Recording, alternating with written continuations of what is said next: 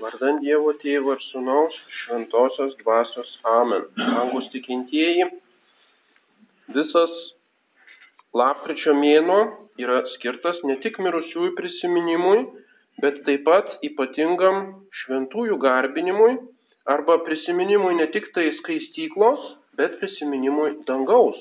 Ir turime atsiminti, kad ši diena, lapkričio pirmoji diena, nėra gedulinga šventė. Kaip matote, liturginiai rūbai yra balti arba auksiniai. E, gėdame iškilmingas šventasias mišes ir tai yra džiaugsminga diena, kadangi minime dangų, minime šventuosius, kurie yra danguje.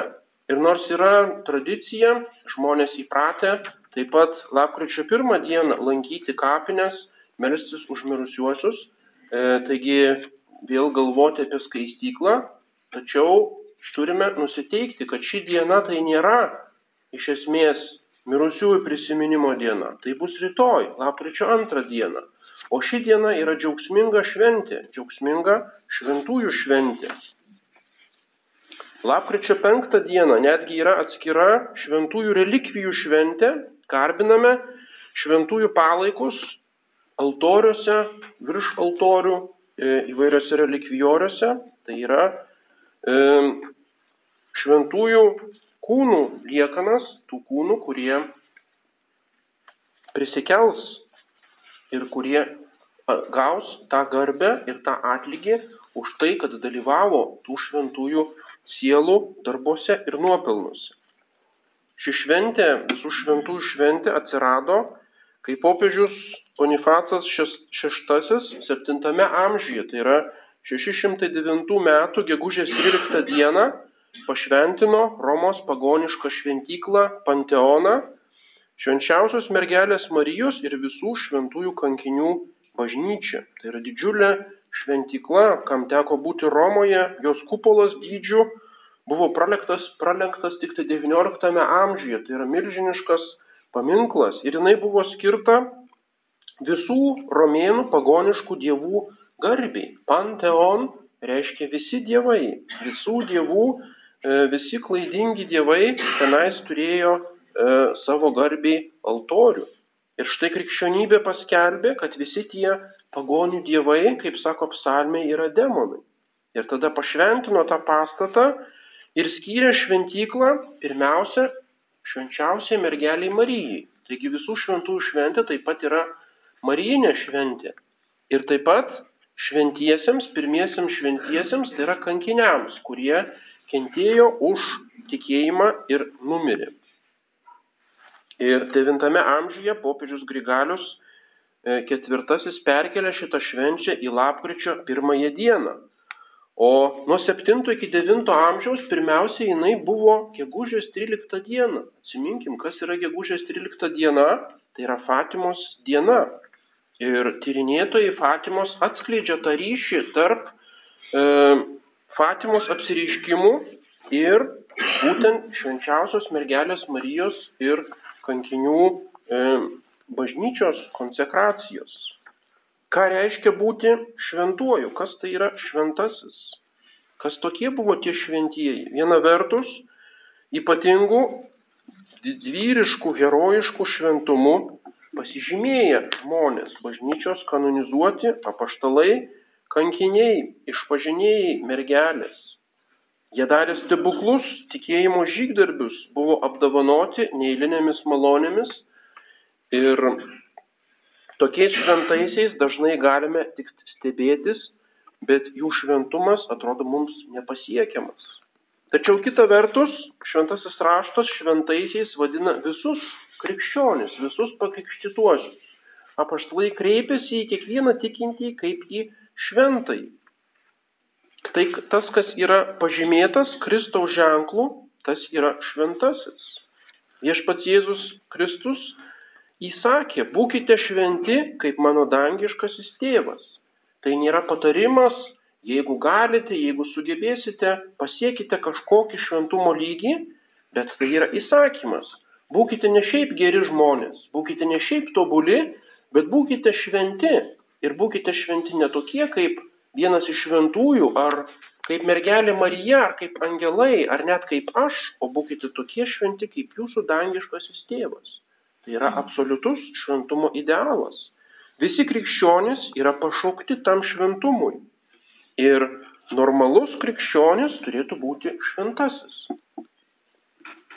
Ir todėl bažnyčia visada pabrėžia, kad yra dogma, jog visi be jokios išimties gauna pakankamai malonės, kad pasiektų išganimą ir pasiektų šventumą. Tik tai reikia tą malonę pasinaudoti, reikia gyventi iš jos ir daryti tos malonės darbus. Tikrai ir esmingai šventas yra tik Dievas, o tvariniai gali tik įvairiais būdais dalyvauti Dievo šventume. Taigi kas yra šventas? Šventas yra toks daiktas arba žmogus, kuris dalyvauja Dievo šventume. Šventasis yra žmogus tam tikrų būdų panašus į Dievą. Gavęs Dievo malonę, tai yra tam tikrą dieviškumo apšvietimą, spindulį. Sakramentais gaunama malonė iš tikrųjų ir realiai pakilėja žmogišką prigimti lygi pačios dievystės. Sakramentai visiškai pranoksta bet kokias priemonės, kurių žmogus pats imasi - malda ar apsimarinimas ar visos kitos priemonės. Sakramentai yra kažkas dieviško, tai yra dieviškas instrumentas. Ir dėka sakramentų galime tapti panašus į Dievą. Taigi šventasis yra Dievo vaikas, tapęs panašus į jo pirmgimį sūnų, tapęs panašus į Jėzų Kristų. Šventieji yra pavyzdys mums, jie duoda tikro krikščioniško gyvenimo pavyzdį, paveikslą. Ir todėl reikia domėtis jų gyvenimais, jų kovomis, sekti jų darybėmis pagal savo luomą ir pagal savo galimybės, o ypač sekti jų veržimasi prie Dievo. Šventasis Tomas Moras E, rašė, daug žmonių nusiperka pragarą su tokiu dideliu ir sunkiu darbu, kad tik pusės tų pastangų užtektų norint įsigyti dangų. Jeigu skaitome apie tos visus įžymybės ar tos visus žmonės šitame pasaulyje, kokiamis herojiškomis pastangomis jie sukaupė savo milijonus arba prisiveržė prie kokio nors valdžios posto arba išsaugo savo postą net daugybės aukų pareikalaujančiomis pastangomis. Jeigu mes nors šiek tiek įdėtume, nors dalelę tų pastangų, mes pasinaudotume tomis Dievo malonėmis ir taptume šventaisiais.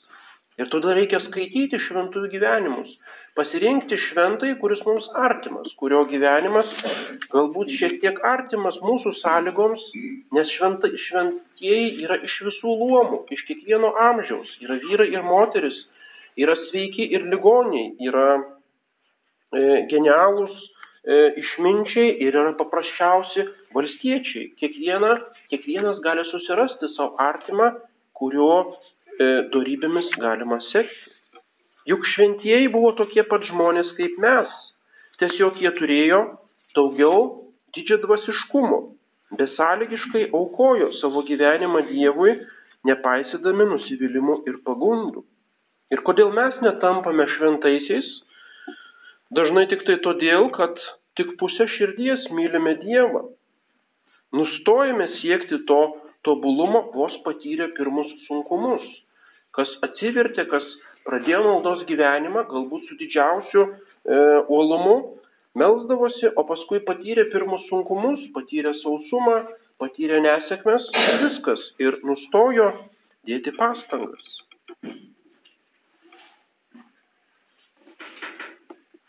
Pagalvokime, kur skiriame savo talentus, kur investuojame savo jėgas ir laiką, ar į nykstančius pasaulio dalykus, ar į amžinai gyvenimą. Kam verta daugiau laiko ir jėgų skirti? Ir štai Alfonsas, šventasis Alfonsas Liguoris rašo, keistas dalykas. Šio pasaulio žmonės, žiūrėdami į laikinus dalykus, vaikosi visko, ką tik galima įsigyti.